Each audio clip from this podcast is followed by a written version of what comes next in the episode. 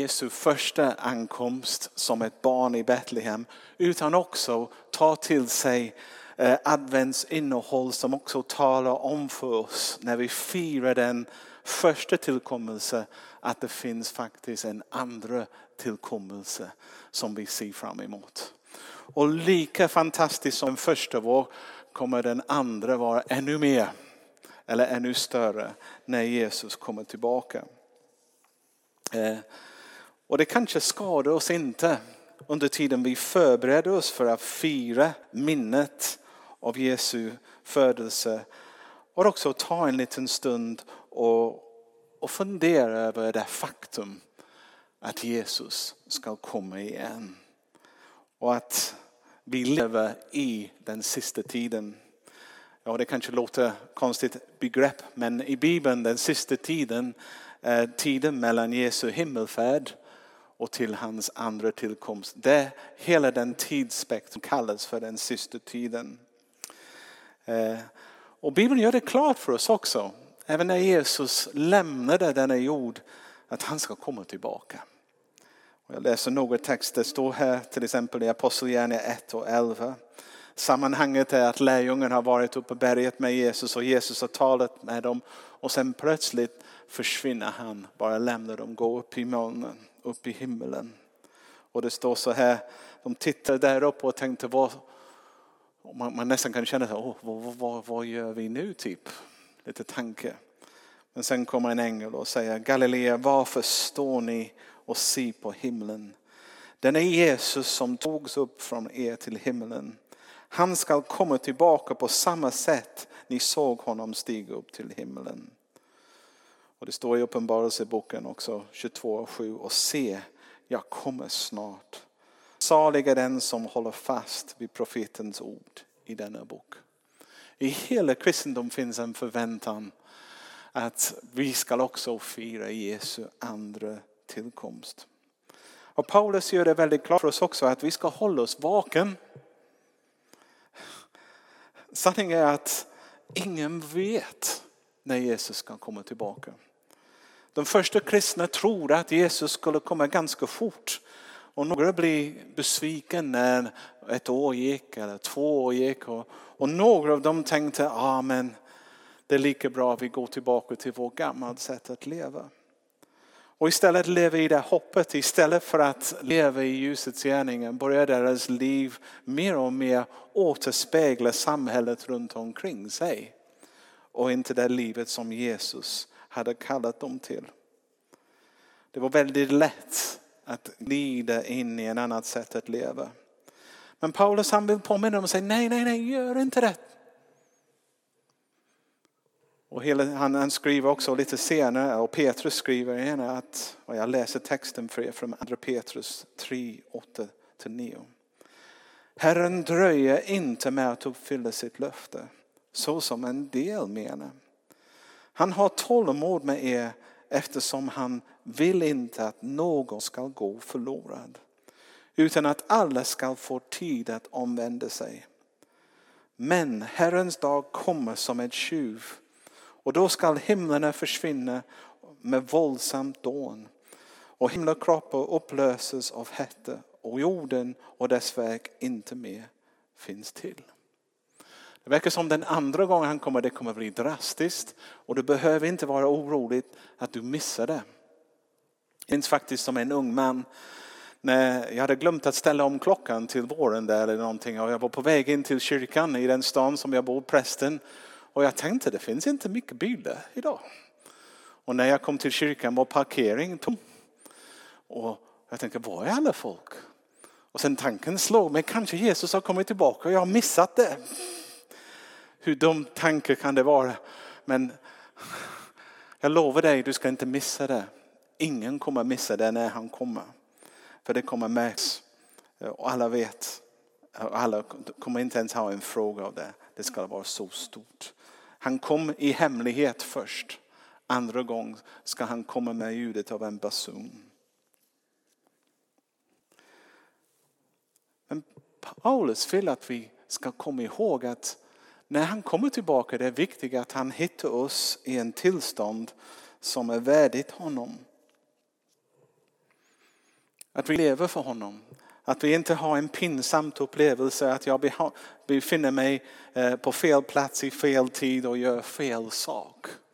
När plötsligt Jesus ska komma och hämta mig. Det skulle inte vara så roligt att vara med om det. Och Jesus gav flera liknelser, faktiskt många liknelser om hans andra tillkomst. Man undrar varför det inte predikas mer. Jakob sa det i söndags att eh, inte många predikar om det nu för tiden. Men det finns det. finns liknelser om eh, att, att en, en kung åker bort och lämnar talenter till eh, hans tjänare. Och sen kommer tillbaka och förväntar vad har ni gjort under tiden jag har varit borta? Och en av kanske de mest kända också har med tio jungfrur som väntar för brudgummen. Och brudgummen dröjer.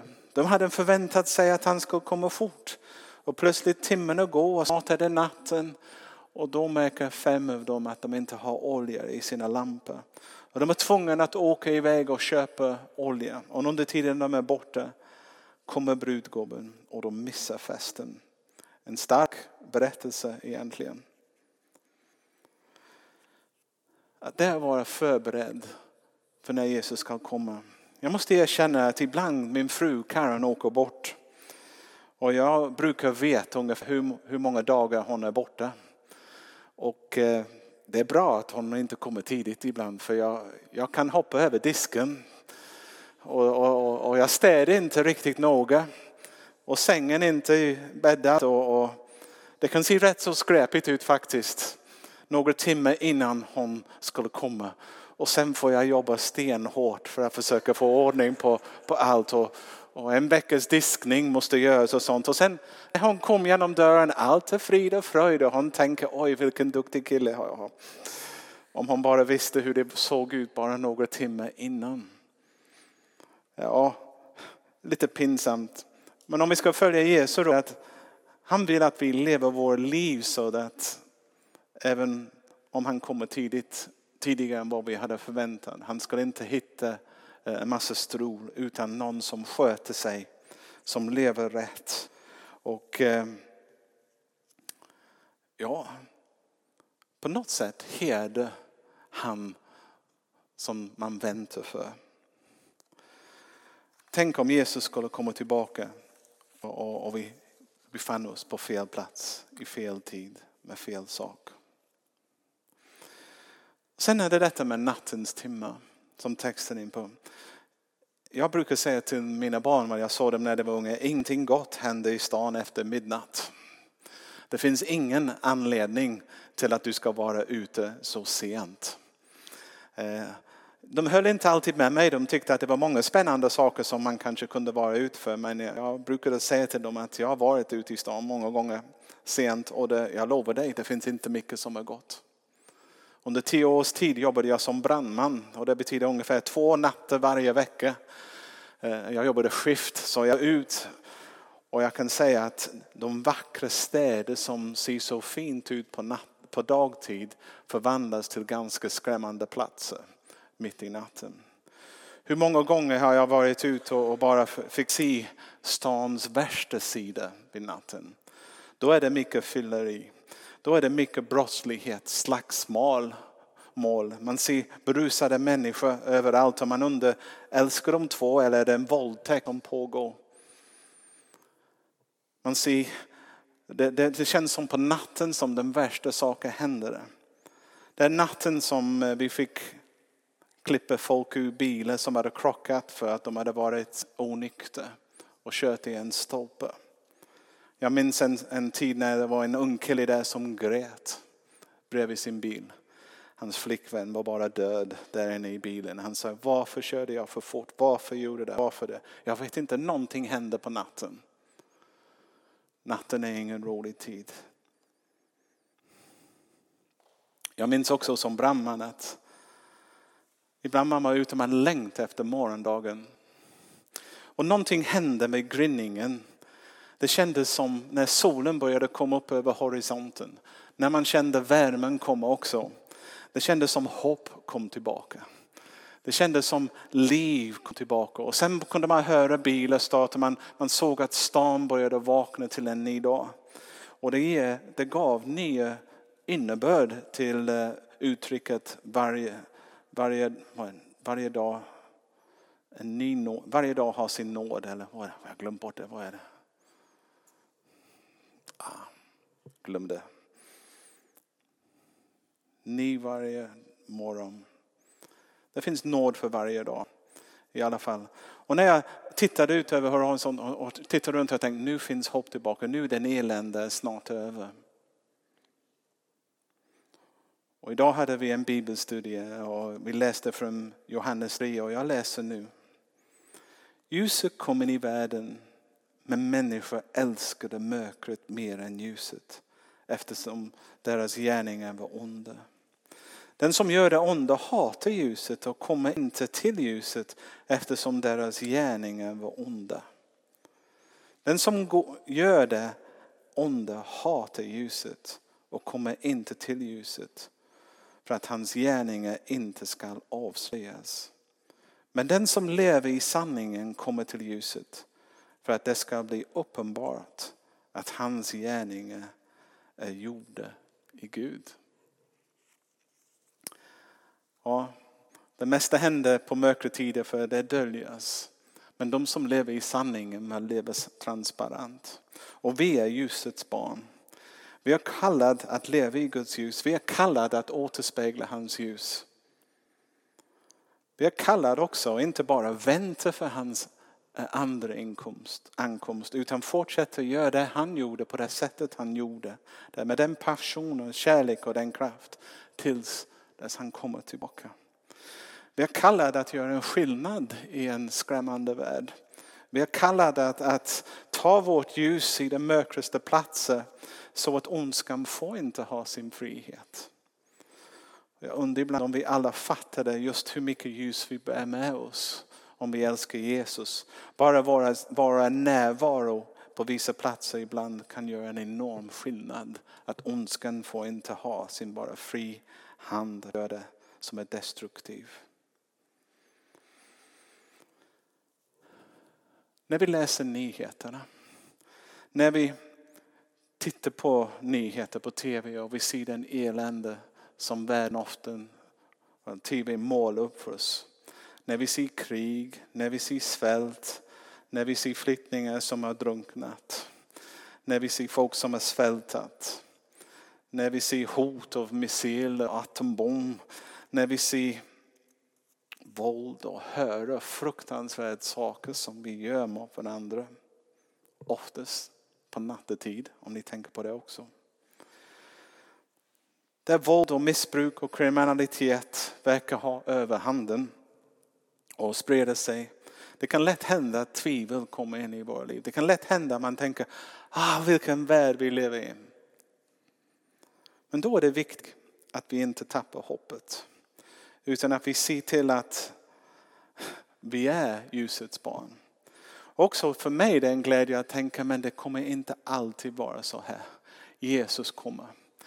Och då när jag tänker på det, då är det inte så jobbigt. Då är det mer hopp som kommer. Jag tänker, nej, ondskan ska inte regera i evigheten. Det finns en avbestämd tid som det kan råda och sen kommer Jesus tillbaka och så är det slut. Och sen går vi in i evighetens evighet. Då finns det inte längre tårar, inte längre krig, hat och brott.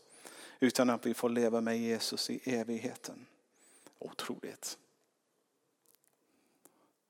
Ni ser inte som det. Det var inte så otroligt. Jag vet. Jag tänkte när jag var ung och jag hörde predikanter predika detta. Jag tänkte men jag vill leva först lite.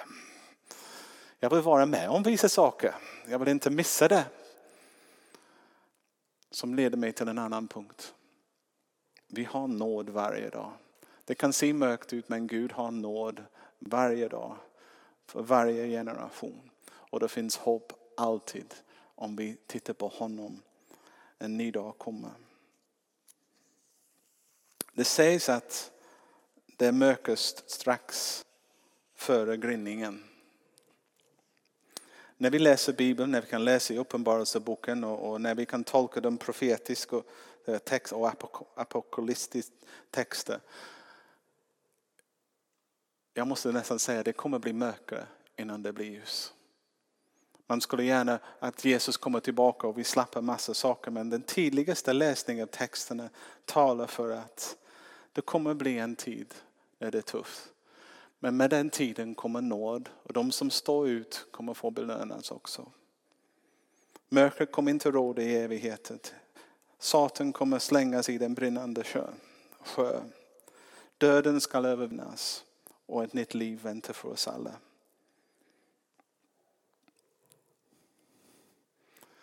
Det är lätt för oss också att tänka vår värld så här, vad vi har för oss.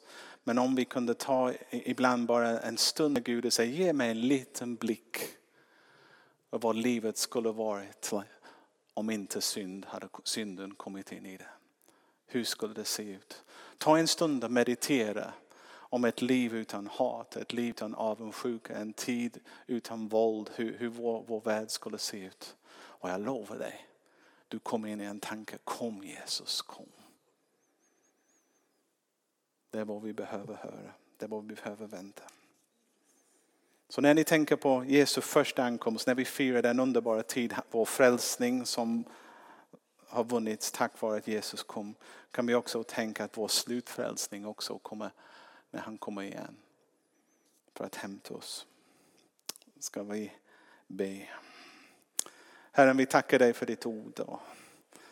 Jag ber att du hjälper oss leva i din perspektiv, inte vår perspektiv.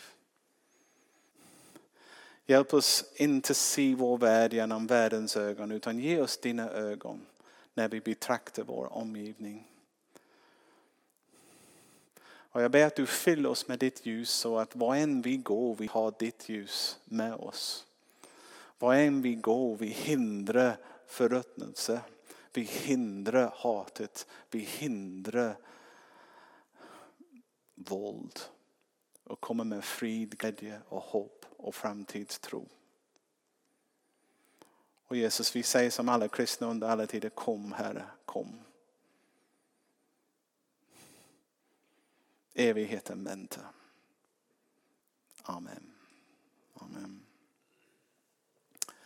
Vi ska nu eh, läsa trosbekännelse. Ska vi stå upp och läsa den? Vi tror på Gud Fader allsmäktig, himlens och jordens skapare.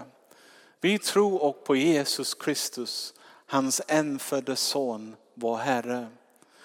Vilken är avad av den heliga ande, född av jungfru Maria, pinad under Pontius Pilatus, korsfäst, död och begraven, nedstigen till dödsrike, på tredje dagen uppstånden igen från de döda, uppstigen till himlen, sittande på allsmäktig Gud faders höger sida, därifrån igenkommande till att döma levande och döda.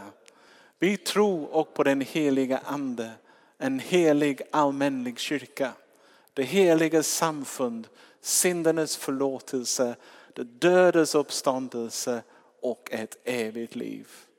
Amen. Amen. Nu ska vi ta upp en kollekt till eh, församlingen. Eh, kristna ger. Det är svårt att vara kristen utan att ge tillbaka något av det goda som Gud har skänkt till oss. Så låt oss vara generösa.